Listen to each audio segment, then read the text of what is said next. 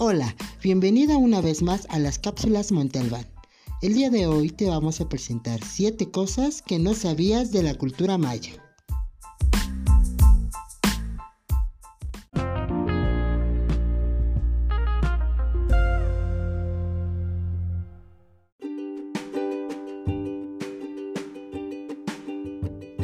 Hay momentos en que los niños pasan mucho tiempo en casa explorando y experimentando sin parar.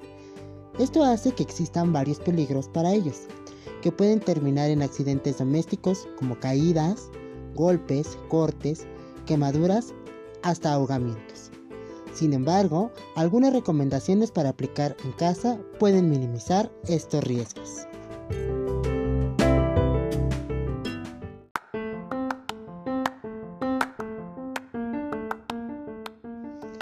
Mantener el suelo libre de obstáculos. Los juguetes, zapatos, mochilas y otros objetos en el medio del camino pueden hacer que cualquier miembro de la familia tropiece y caiga.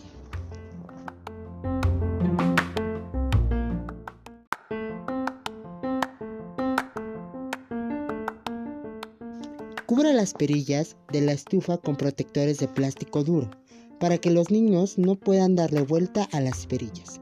También puedes quitar las perillas cuando no estés cocinando. De preferencia, cocina con los fogones de atrás. El mango de la olla o el sartén siempre debe de ir en la parte de atrás de la estufa para que el niño o la niña no lo alcance. Y por último, colocar un cierre de bloqueo en la puerta del horno.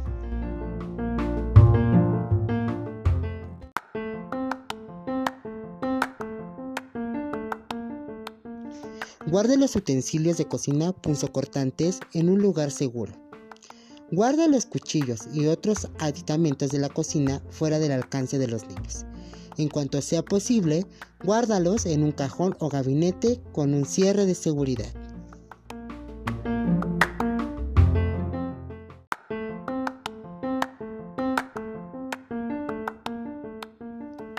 Desconecte los electrodomésticos cuando no los estés usando una tostadora, un plato caliente o un horno pequeño.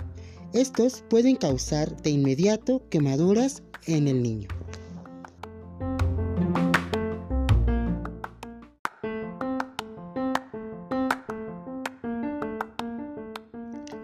Los incendios domésticos son mucho más comunes de lo que pensamos. Por ello, debemos saber cómo actuar en caso de que nos veamos inmersos en una de estas situaciones. Lo primero que debemos de hacer es tomar y avisar al teléfono de emergencias. Por pequeño que pueda parecer el incendio, no sabemos las consecuencias que pueda traer este incendio, por lo que antes que nada debemos de llamar a emergencias.